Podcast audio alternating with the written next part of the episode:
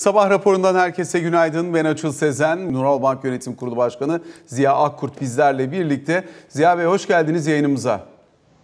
İyi yayınlar diliyorum Açıl Bey. Şimdi kusura bakmayın e, alışkanlık olduğu üzere öyle başladık ama e, üzerine konuşacağımız çok fazla konu var, çok fazla mesele var. E, şu an itibariyle baktığımızda bir yurt dışında Amerika Birleşik Devletleri'nde olup bitenleri çok yakından izliyoruz, takip ediyoruz. Zira Amerika'da özellikle faiz indirimine ilişkin beklentilerin ciddi şekilde ötelendiğini anlıyoruz. Gelen son enflasyon verisi burayı önemli ölçüde bozdu. Diğer tarafıyla yine dönüp baktığımızda bu sabah itibariyle Japonya'dan gelen e, Japon ekonomisinin resesyona girdiğini gösteren haber akışı var. Bunları belli ölçüde değerlendirmeye çalışırız.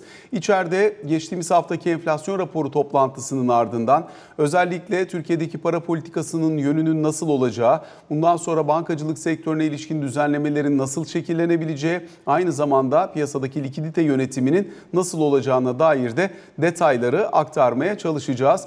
Diğer taraftan yine gelen banka bilançoları üzerinden de bir miktar yorumlarınızı almaya gayret ederiz. İsterseniz önce hızlıca bir dünya turunu yapıp ondan sonrasında biraz daha Türkiye'ye odaklanmaya çalışalım. Amerika Birleşik Devletleri'nde piyasanın önemli ölçüde beklentilerinin farklılaştığı bir tabloyla karşı karşıyaydık. E, piyasadaki beklenti daha agresif bir faiz indirim süreciydi. Ancak Amerikan Merkez Bankası'nın duruşu biraz daha bekleyip görmeyi, biraz daha sabrı ön plana çıkaran bir duruştu. Şu an itibariyle Fed'in duruşunun biraz daha haklı olduğunu gösteren emarelerle karşı karşıyayız. Gelen son enflasyon verisi de bunu biraz daha teyit etti. Daha inatçı, daha yapışkan bir enflasyon dinamiğiyle devam ediyor gibi duruyor Amerika Birleşik Devletleri. Ama ekonomi de bir yandan canlı kalmaya devam ediyor.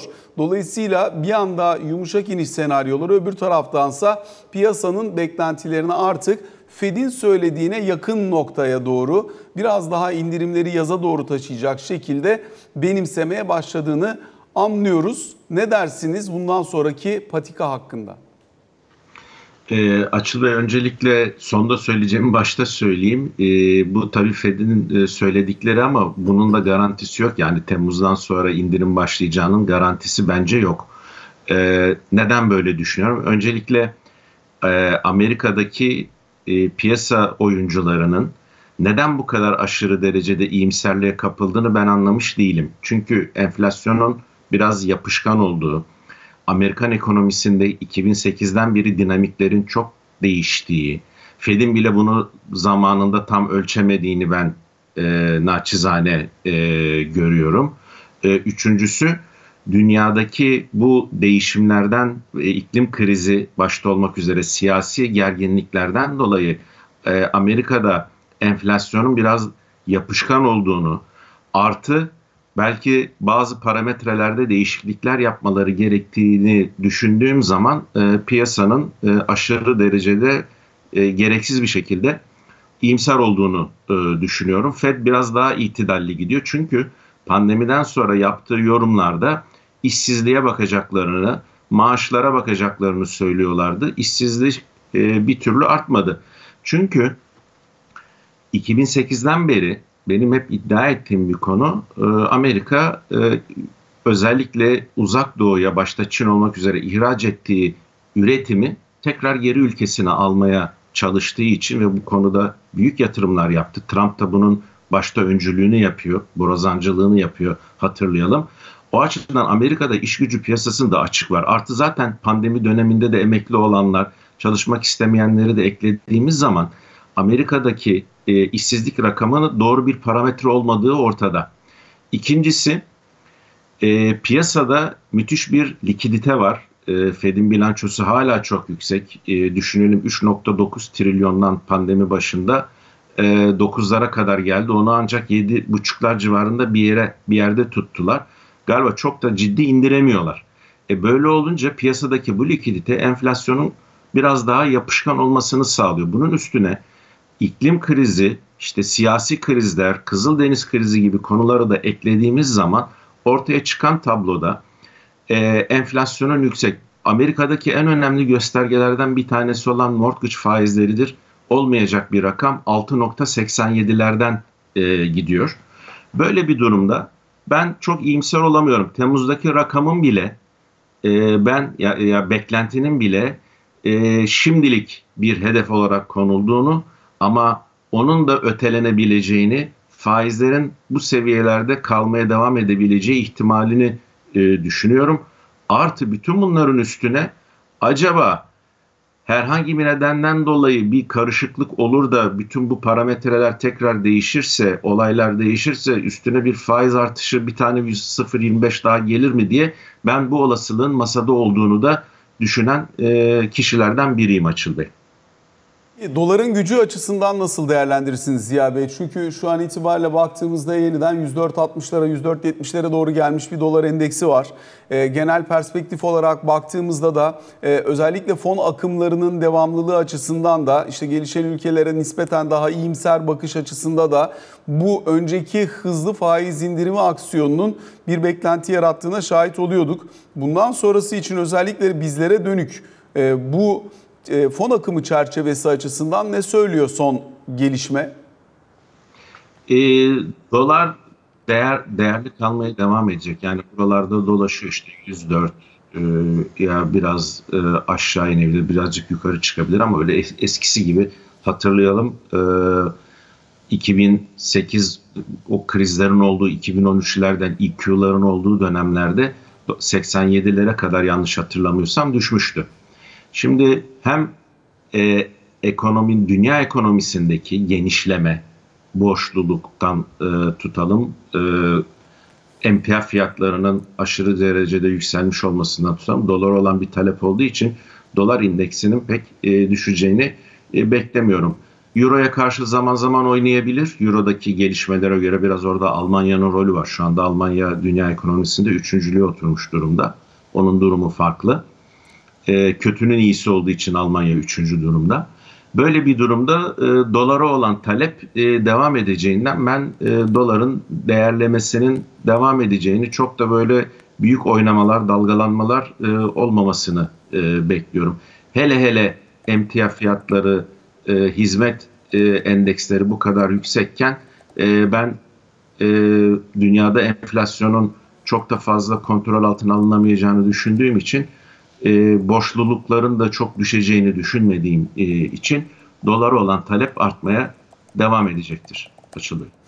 Peki e, özellikle tabii e, gelişmiş ülkeler arasında işte bir tarafta Amerika'da faiz indirim beklentisi var. Bir tarafta Euro bölgesinde faiz indiriminin ne zaman olacağı tartışılıyor. Japonya'da da Bundan sonra faiz artırımının ne zaman olacağı tartışılıyordu ki bugün gelen büyüme rakamına baktığımız zaman 0.4'lük bir daralmaya çeyreklik bazda gittiğini görüyoruz e, Japon ekonomisinin yıllıklandırılmış olarak. Dolayısıyla böyle değerlendirdiğimizde e, bir resesyona girdiğini görüyoruz. Dolayısıyla aslında dünyada negatif faizde kalmaya devam eden son gelişmiş ekonomi Japon ekonomisi. Çok uzun süredir de bu politikayı uyguluyorlar. Japonya'da da özellikle yenin bir dayanak varlık olarak kullanılmak suretiyle carry trade işlemlerinde çokça kullanıldığını biliriz.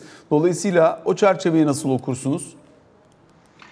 Şimdi Japonya'nın şöyle bir durumu var. Belki Japonya'nın bu durumunu değerlendirirken e, Çin'e de e, bakmak gerekiyor. Siz e, açılış konuşmasında Çin'den de bahsetmiştiniz. O çerçevede Çin'i de bence şu anda değerlendirmeye almakta fayda var. Şimdi Çin'de çok büyük e, bana göre e, bir basına belki kamuoyuna aksettirilmeyen e, ekonomik sıkıntılar var. İşsizlik e, rakamlarını onlar öyle pek açıklamazlar ama e, işsizlik oldukça e, yüksek. E, Çin kendi içerisinde müthiş bir ekonomik boğuşma e, içerisinde. Bu dediğim e, üretimin başka yerlere kaydırılması da Çin'in durumunu etkilediği için e, dış ticaret rakamlarını da zaman zaman negatif etkileyebiliyor.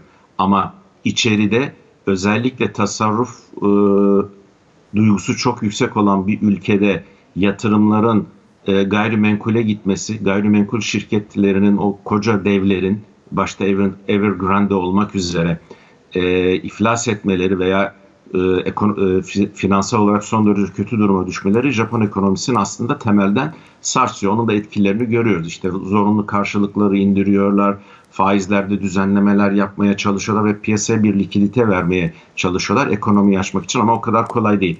Çin bu haldeyken özellikle Çin'deki en büyük yatırımcılardan biri olan ve orada orayla çok yüksek dış ticaret rakamları olan Japonya'nın doğal olarak negatif etkilenmesi çok e, olası, e, normal bir e, tablo. Bunu ben biraz daha genişletiyorum. Çin'le çok yakın ilişkileri olan o peri, periferi e, devletler dediğimiz Kore'yi de işte Malezya'yı da Avustralya'yı da bunun içine e, katabiliriz. Bunlar e, zaman içerisinde Çin'deki bu e, gelişmelerden, negatif gelişmelerden etkileneceklerdir. Çin 90, e, Japonya 90'ların başından beri resesyonda bir türlü çıkamamıştı. Biraz enflasyon yaratıp çıkma durumları olmuştu geçen sene ama bunun tekrar normale döndüğünü, nasıl ki bütün dünya yavaş yavaş normale dönüyor. Japon ekonomisi hala kendisini açamadığı için bence Japonya'nın bu durumu e, devam edecek. Daha fazla faiz indirmesi de mümkün olmadığı için e, çıkartamıyor da e, bu resesyon e, durumu, teknik resesyon e, durumu ileride tam bir gerçeğe dönüşebilir. Japonya ekonomisini açmak için bence e, başka reformlar, başka hareketler, e, başka ülkelerde yatırımı e, düşünmek e, zorunda. Bunun da Afrika ve Latin Amerika e, olabileceğini düşünüyorum artık bu, bu saatten sonra. Bir de Hindistan'ı hedefleyebilir Japonya ilerisi için. Özellikle bu son veriyle birlikte Japonya'nın dünyanın üçüncü büyük ekonomisi olma ünvanını Almanya'ya kaptırmış olduğunu da hatırlatmış olalım bugünkü verinin ardından. Geçelim Türkiye'ye. Özellikle geçtiğimiz haftadan itibaren biraz daha Türkiye'de gerçek anlamda para politikası, gerçek anlamda enflasyonu düşürme stratejileri konuşulmaya başladığını e, başlanmış bir ortamdan bahsedebiliriz. Başkan değişiklikleri, Merkez Bankası üzerindeki tartışmalar geçtikten sonra yeni başkan, yeni yönetim, verilen mesajlardaki sıkılık ve bundan sonrasına ilişkin yol haritasında rehberlik edebilecek aylık enflasyon beklentilerini daha anlamlandırabilmesi için bir yol haritası. Şimdi kabaca 3 puanlar civarında aylık bir enflasyon süreci öngörüldüğünü ifade ediyor Merkez Bankası. Sapma bunlardan çok olursa oralarda biz kendi politika duruşumuzu e, farklılaştırabiliriz ya da oraya ulaşmak için kullandığımız enstrümanları çeşitlendirebiliriz diyor. Kararlılık mesajı ve beklentilerin çıpalanması anlamında %36'lık hedef ya da beklenti diyelim. Buranın e, konumlandırmasını nasıl değerlendiriyorsunuz Ziya Bey? E, Açıl benim o toplantıdan anladığım mesaj şu. E, bir kere %36'nın çok zor bir hedef olduğunu kendileri de biliyorlar. Ama piyasayı da şartları da o yönde zorlamak için ellerinden gelece, e, geleni yapacaklarını ifade ettiler. Ama ben e, bu %36'nın tutabileceğini pek zannetmiyorum. Şu anda dizginlenmiş bir kur var. Diğer taraftan akaryakıta yapılan e, zamları düşündüğünüz zaman, artı gıda fiyatlarındaki artışları düşündüğünüz e, zaman enflasyonun öyle aylık yüzde üçler civarında e, olabileceğini zannetmiyorum. Bu Şubat ayında da biraz yüksek çıkacak gibi görünüyor. Bundan sonra da yapılan hesaplamalara göre hani 2.4 gibi bir rakamın olması lazım aylık. Bilemiyorum eğer e, bu iş kötüye gidiyor, istediğimiz gibi gitmiyor. O yüzden likiditeyi biraz daha sıkalım yönünde adımlar atabilirlerse ki onu nasıl atacaklarını da tam e, açıklamadılar e, bildiğim ve duyduğum kadarıyla. E, o yüzden orada bir e, soru işareti var. Ama e, enflasyonun kontrol altına alınması e, Merkez Bankası yöneticilerinin sadece e, çabalarıyla hatta bu zaman zaman kişiselmiş gibi bile görünüyor. E, olacak iş değil. Kamu tarafındaki harcamaların e, kamu tarafında tasarruf önlemleri alınmadığı müddetçe harcamaların önüne alınmadığı müddetçe bu enflasyon, anti enflasyon veya dezenflasyon diyelim politikasının e, çok e, başarıya ulaşacağını ben zannetmiyorum. Bir, bir ihtimal e, seçimlerden sonra kamuda bir e, tasarruf e, ol, olunması öngörülebilir. E, çünkü bu yönde kamuoyunda bütün ekonomistler, sizin programlara davet ettiğiniz bütün herkesin söylediği bu. Kamu maliyesinde bir düzenleme yapılmadığı müddetçe bu başarıya ulaşamayacak. Bunun karşılığı vergileri arttırıp vergi ödeyenleri biraz daha mı e, sıkıştırmaktır? O tabii bir siyasi tercihtir. Onu kendilerine bırakıyorum. Ama kamuda hala harcamaların çok yüksek olduğunu düşünecek olursak bu enflasyon rakamının e, Merkez Bankası yöneticilerinin tüm iyi niyetleri ve gayretlerine rağmen tutabilmesinin biraz zor olduğunu şimdiden öngörebiliyorum Bey. Peki buraya ulaşabilmek için kullanılabilecek enstrümanlar. Şimdi paranın fiyatı olan faizi biz %45'e getirdik %8,5'tan. Diğer tarafıyla elbette piyasadaki likidite önemli unsurlardan bir tanesini oluşturuyor.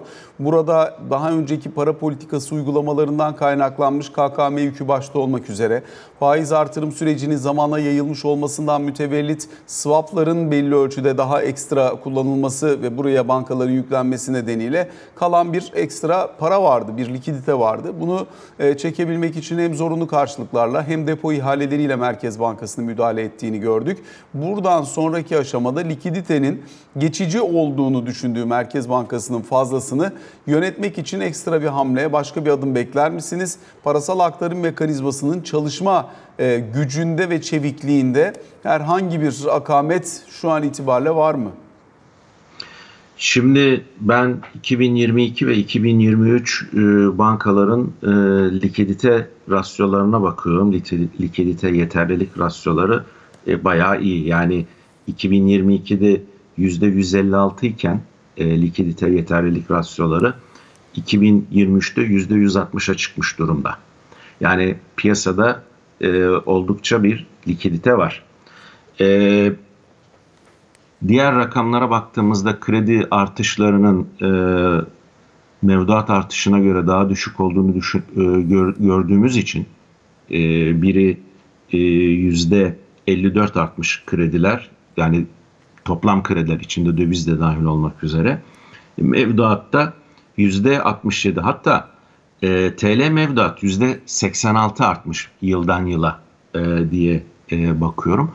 Böyle baktığımız zaman e, görünen o ki e, piyasada bir likidite var. Bunu çekmek için muzamları daha nereye kadar arttırabilirler? Bence burada şu anda uyguladıkları e, depo ihalelerini biraz daha e, şey yapabilirler, e, arttırabilirler. Belki seçimlerden sonra e, oldukça siyasi açıdan öyle e, düşünüyorum e, sakin bir döneme gireceğiz. Başka bir seçim görünmüyor eğer herhangi bir referandum talebi gelmez ise o zaman e, Türkiye döviz girişinde bir e, artış e, olacaktır. Dövizin e, bollanması, bollaşması karşılığında Merkez Bankası e, biraz döviz satarak e, rezervlerini belki tehlike altına atabilir ama piyasadaki TL likiditeyi başta çekebilir. Artı kredilerdeki e, sıkılaşma e, devam ediyor. E, özellikle bu parasal aktarım mekanizması diye kredileri temeline koyacak olursak oradaki artışlar hani enflasyonu da gö göz önüne alırsak oldukça aşağıda e, seyrediyor. Banka bilançoları enflasyon kadar arttığını düşünecek olursak demek ki bankalar çok da e, büyümüyorlar genelde e, menkul kıymetler ve cüzi miktarda e, kredi artışlarıyla ama daha çok mevduat artışlarıyla bilançolarını ayakta tutuyorlar. Hal böyleyken Merkez Bankası'ndan e, bu depo, munzam dışında başka yapabilecekleri e, belki piyasa yapıcıları veya bankalara biraz daha şart e, getirebilirler. E, tahvil e, alımlarını e, arttırmak suretiyle e, piyasadaki likiditeyi kontrol altına almaya çalışabilirler. Bir de dediğim gibi e, seçimlerden sonra e, Merkez Bankası e, TL likiditeyi çekebilmek için belki biraz döviz satışında bile bulunabilir. Peki Ziya Bey şimdi işin bankacılık tarafını ve kamu yönetimi tarafını konuştuk ama daha önemli olan taraflardan bir tanesi şirketler cephesi. Özellikle şirketlerin önünde ciddi bir belirsizlik var. Bu belirsizlik birkaç taraftan kendini gösteriyor. Birincisi özellikle şu ortamda maliyetin yüksek olduğu yerde, finansman maliyetinin yüksek olduğu yerde şirketler enflasyon da yüksek olduğu için sürekli işletme sermayesini yiyor enflasyon. Bu işletme sermayesini giderebilmek için finansman e, edinmek istediklerinde bunun maliyetinin de çok yüksek olduğunu görüyoruz. Bu dönem şirketler almaktan imtina ediyor. Bankaların veresi var bu maliyetle ama şirketlerin almaktan imtina ettiklerini görüyoruz. Sizin bakış açınızda şirketlerin şu dönemde neyi öncelemesi lazım? Yani maliyetine bakmadan işletme sermayesini koruyabilmek ve likit kalmak mı daha önemli? e, hani toplam finansman giderleri içerisindeki payı belirli bir yerde kaldıktan sonra yoksa biraz daha bekleyip daha uzun vadeli, e, daha uygun maliyet oluşana kadar kendini çevirmeye çalışmak mı daha önemli? Yani şirketin nakit akışını yönetebilmesi herhalde bu senenin en önemli teması olacak. Maliyetler ve seçim sonrasında özellikle likidite koşulları dikkate alındığında. E, dediğiniz çok doğru. Yani e, şirketlerde artık yavaş yavaş e, ben e, biraz e, daralmayı öngördükleri, daha fazla büyümemeyi öngördüklerini düşünüyorum. Her ne kadar bunu yüksek sesle telaffuz etmeseler de çok sıkıştıklarında tabii ki e, işte çok kısa vadeli her işletmede e, nakit açığı oluşur. Kısa vadeli krediler alıp işte yüzde 45-50 55'ler civarında borçlanmak suretiyle çok kısa vadeli günü çeviriyorlar. Ama uzun vadeli herhangi bir e, nakit açığını devamlı %55'lerle 50'lerle e, finanse etmeleri pek mümkün olmadığını kendileri de görüyor. E, bazıları yapabiliyor. E, neden? Çünkü maliyetlerini yansıtabiliyorlar. İşte o, o zaman da bu sefer tekrar e, enflasyon sarmalına geri dönüyoruz. Yani e, hatırlayalım 90'lı yıllarda faizler 75, enflasyon 75. Herkes her şeyin fiyatını %75'e göre ayarlayıp arttırıp gidiyordu ve Türkiye bir türlü enflasyon sarmalından e, çıkamıyordu. Şimdi bu buradaki tablo da e, biraz önümüzde öyle. E, umuyorum ki e, Türkiye'de e, seçimlerden sonra e, piyasa şartları özellikle Merkez Bankası'nın arzu ettiği şekilde gelişirse e, işte Temmuz'dan Ağustos'tan sonra e, faizlerde yavaş yavaş bir e, indirim başlayıp da işletmeler normal seviyelerine dönmeye başlarlarsa belki e, hayat devam edebilir. Ama ben e, şunu görüyorum, biz biraz e, daralmadan yani şirketlerin e, nakit ihtiyaçlarını arttırmayacak şekilde hareket etmeleri sonucunda bu daralma da e, demektir. Uygulayacakları politikalar sonunda e, ekonomide büyümenin yavaşlayacağını belki yüzde birleri ikileri şimdi büyüme gibi görünüyor ama Türkiye gibi dinamik bir ülkede yüzde bir iki aslında bir anlamda daralma anlamına bile e, gelebilir.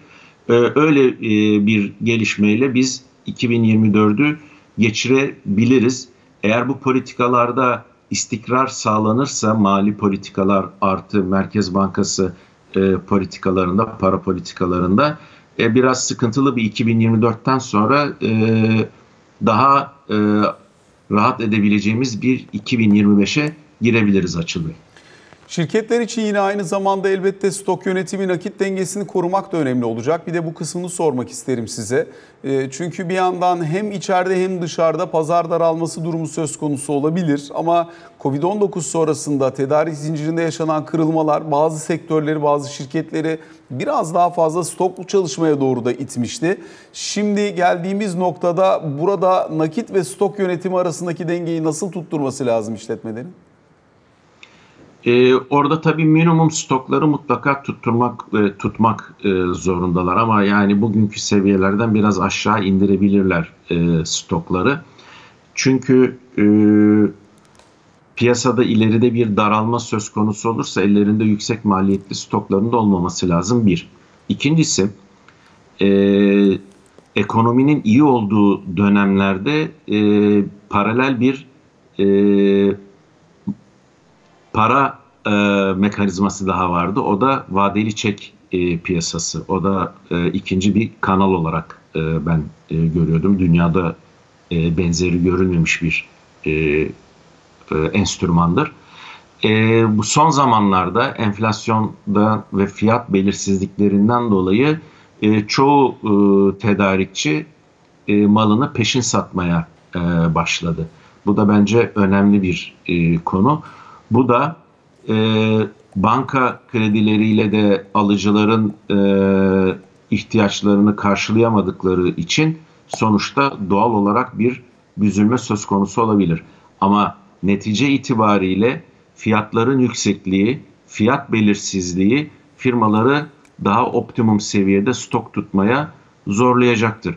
Ha kim yüksek stok tutabilir? O da e, aşırı fiyat beklentisi ile önümüzdeki dönemde olanlar e, tutabilir ama ben e, Nisan'dan itibaren piyasanın biraz e, durulmasını e, bekleyen e, kişilerdenim Açıl Bey. Peki yine Ziya Bey son dönemde kamuoyunda çokça konuşulduğu için biraz bunun üstüne de e, sormak isterim. Hani seçime kadar kurun mispi olarak yönetilerek gideceği, sonrasında kurda bir miktar hareketlenme olabileceği gibi bir e, şaiya var şu anda. Çok tartışılıyor, çok konuşuluyor. Gerçekleşir, gerçekleşmez bunu bilmiyorum ama sizin bu konudaki bakışınızı merak ediyorum. Yani şu anki Türkiye'deki Türk lirası faizin bulunduğu yer, %50'nin üzerine mevduat faizinin oluştuğu ortam, aynı zamanda iş akışının ve döviz e, e, giriş çıkışı dengesinin nispi olarak bulunduğu ortam e, bir kur sıçraması, kur hareketi beklentisini beraberinde getiriyor mu? Çünkü Haziran öncesiyle yani seçim sonrasında seçim öncesinde tutulur da seçim sonrasında salınır gibi bir genel bakış açısı var. Haziran'da e, böyle olduğu için Haziran seçimleri öncesinde çok yoğun baskıyla kur belli bir seviyenin altında tutulmak için çok çaba harcandı. Sonrasında geldikten sonra yeni yönetim bir miktar rahatlatabilmek için e, bir e, hani en azından bir günde bir %7'lik falan hareket olmuştu hatırlıyorsunuz. Şimdi Evet. oradaki tecrübeden hareketle yeniden seçim sonrasında bir kur hareketi olur mu diye bir beklenti var. Ee, iç dinamikler ve TL'nin fiyatı şu anda bu beklentileri ne kadar haklı kılıyor ne dersiniz?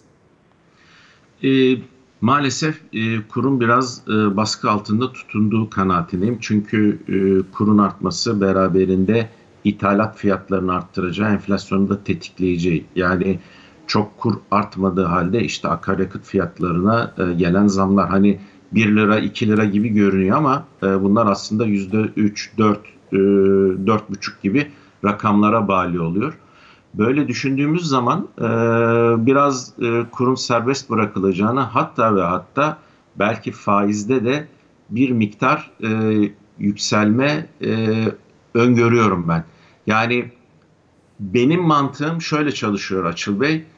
E, kuru biraz serbest bırakıp çünkü ihracatçının e, rahatlaması lazım. E, hakikaten bazı sektörler e, kur artışları artan TL maliyetlerden dolayı maalesef e, zaman zaman bazı ekonomideki yöneticiler bunun tersini söylese de e, talep önemli deseler de kur da maliyet açısından e, önemli.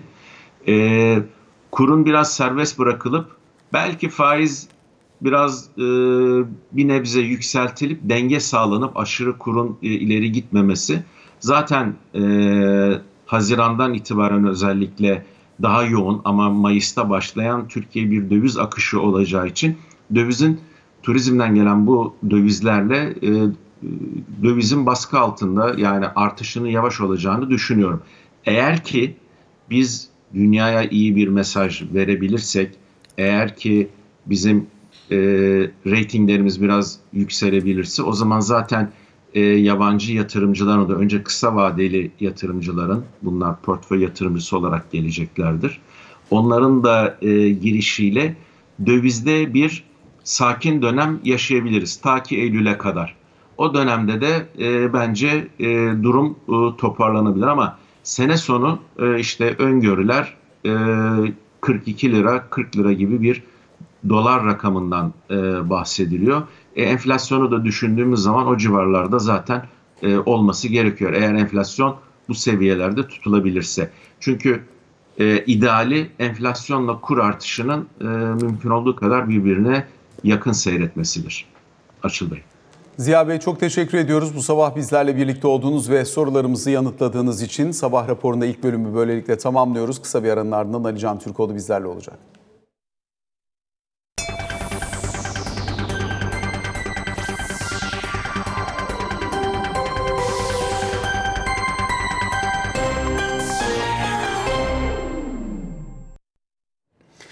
Sabah raporunun ikinci bölümüyle karşınızdayız. Ali Can Türkoğlu ile birlikteyiz. Bu arada arkadaşlar bir son gelişme aktarıyor. Marmara Denizi'nde bir kargo gemisinin battığını ifade ediyorlar. Altı mürettebat için kurtarma çalışması başlatıldığını ifade ediyor. Anadolu Ajansı'nın haberi. Detaylar geldikçe sizlerle paylaşmaya devam edeceğiz.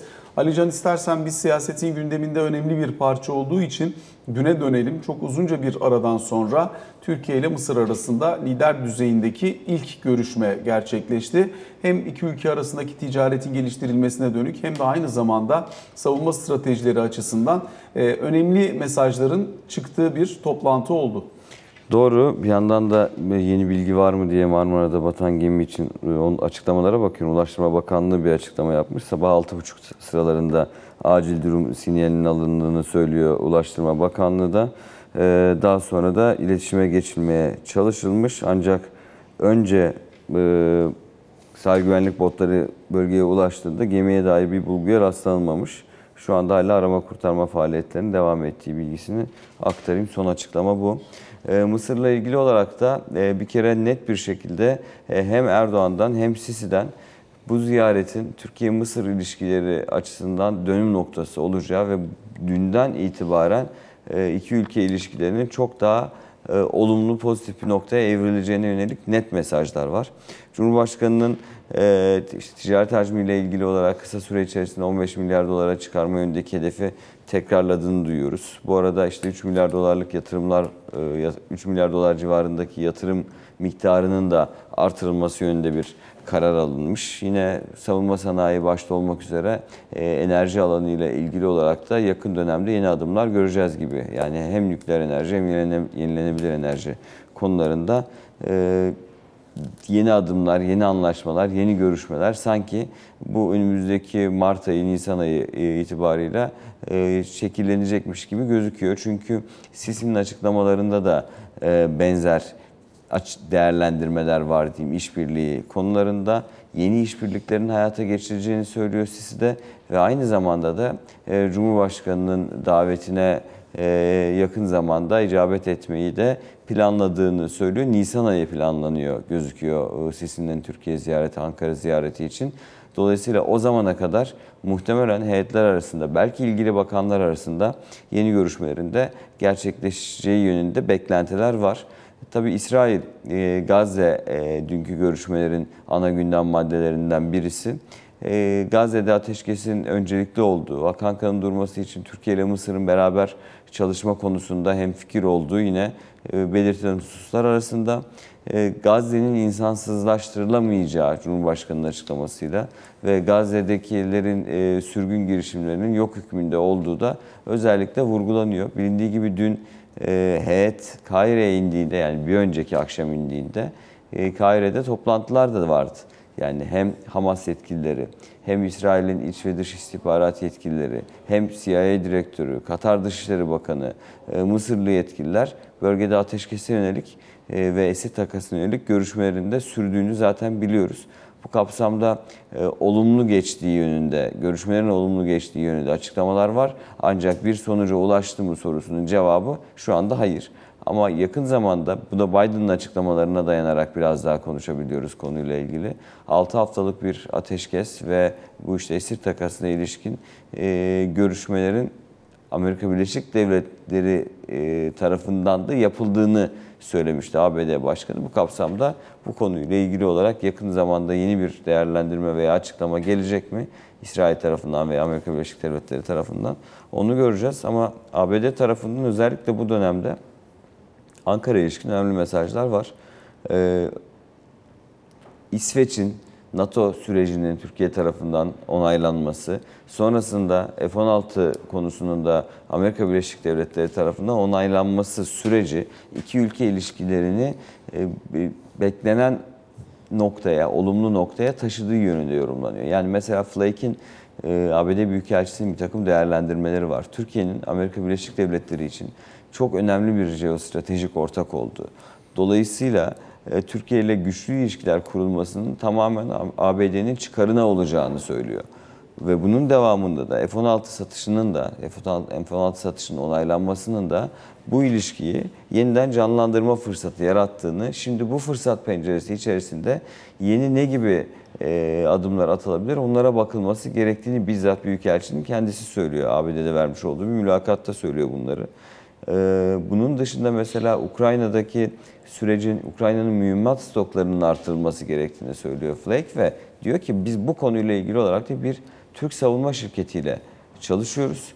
Bu Türk savunma şirketiyle imzalanan anlaşma doğrultusunda da e, işte Teksas'ta 3 mühimmat üretim bandının inşa edildiği hatta bu sayede Amerika Birleşik Devletleri'nde üretilen bu 155 milimetrelik e, mermilerin %30'unun da bu fabrikada fabrikada üretileceği, bu fabrikadan geleceğini söylüyor. Dolayısıyla sadece daha geniş açıdan Türkiye-ABD ilişkileri çerçevesinde değil, daha mikro açıdan da e, Türk şirketleriyle bir takım çalışmalar yapıldığında özellikle vurgulamayı, e, vurgulamanın doğru olduğunu düşünmüş e, Büyükelçi. Bu açıdan önemli. E, dün Dışişleri Bakanlığı, Türkiye Dışişleri Bakanlığı Sözcüsü Öncü Keşeli'nin de bir takım e, açıklamaları, değerlendirmeleri vardı genel durumla ilgili olarak ama Amerika ile diplomasi ilişkilerinin zaten aslında derinlikte hiçbir zaman azalma olmadığını, sadece e, görünen noktada bir takım sıkıntılar yaşandığını söylüyor Sözcü Keçili'de ve F-16 onayının da yeni bir fırsat penceresi yarattığını aynı Flake gibi e, Dışişleri Bakanlığı Sözcüsü de aktarıyor. Ama burada Ankara'nın e, Washington'dan beklentileri net. E, terör e, örgütleriyle ilişkinin sonlandırılması gibi bir e, söylem var Ankara'da ve bunu birçok platformda zaten ABD'ye iletmiş durumda. Özellikle Suriye'de işte PKK'nın uzantılarıyla, e, YPG ile ilişkilerin devam etmesinin Türkiye-Amerika ilişkilerine zarar verdiğini net bir şekilde Ankara bir, te- bir kez daha tekrarlamış durumda. Şu anda dış politikada gelinen nokta bu. Bir tek bir de şunu aktaralım. Putin ziyareti vardı. Ertelenmişti hatırlanacağı gibi. Dün Rusya kaynaklı Peskov'dan, e, Peskov'un açıklamaları üzerine gelen bir takım değerlendirmeler var. 15-17 Mart'taki Rusya'daki seçimler öncesi Putin'in yani Mart ayının başında birinci ikinci haftası e, gibi e, Türkiye'ye gelmesinin planlandığını söylüyor. Dolayısıyla Mart ayında tekrar hem Türkiye-Rusya hem de Rusya'nın içerisinde olduğu alanlarla ilgili olarak muhtemelen biz yeni paylaşımlar ve yeni açıklamalar göreceğiz. Alican çok teşekkür ediyoruz. teşekkür Sabah raporuna böylelikle son noktayı koymuş oluyoruz. Hoşçakalın.